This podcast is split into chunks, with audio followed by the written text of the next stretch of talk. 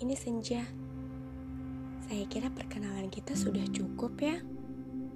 Sekarang, saya mau coba membahas sesuatu yang sering sekali dialami.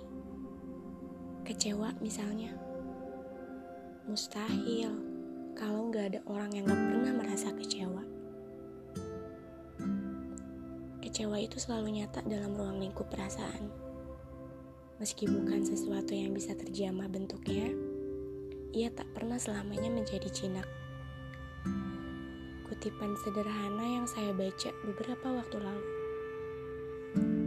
Bahwa ya benar, kecewa itu nyata, meski kita nggak menunjukkannya.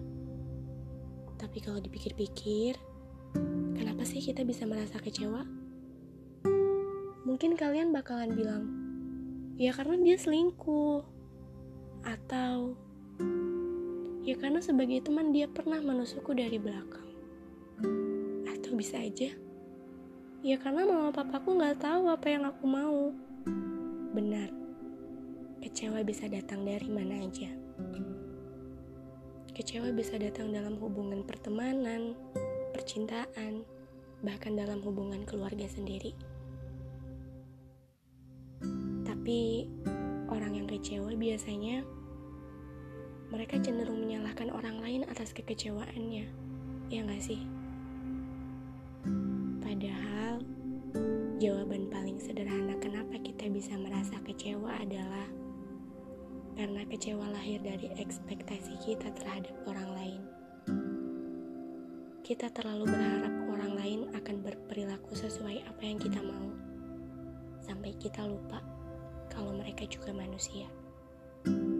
Kita lupa kalau mereka juga manusia biasa yang bisa berubah, meski mereka telah bersumpah ribuan kali untuk tetap menjadi manusia yang sama.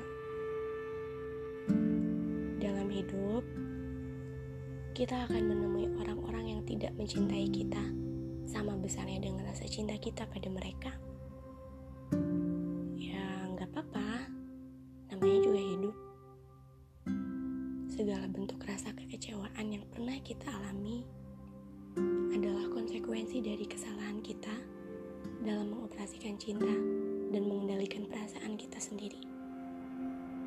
Jadi, hmm, untuk meminimalisir adanya kekecewaan, coba deh setiap kamu berharap, sisakan 10% untuk rasa kecewa dari harapanmu itu. Dan yang paling penting, Jangan pernah menggantungkan harapan pada sesuatu yang tidak baik. Buat kamu yang sekarang lagi ngerasa kecewa, lekas sembuh ya. thank you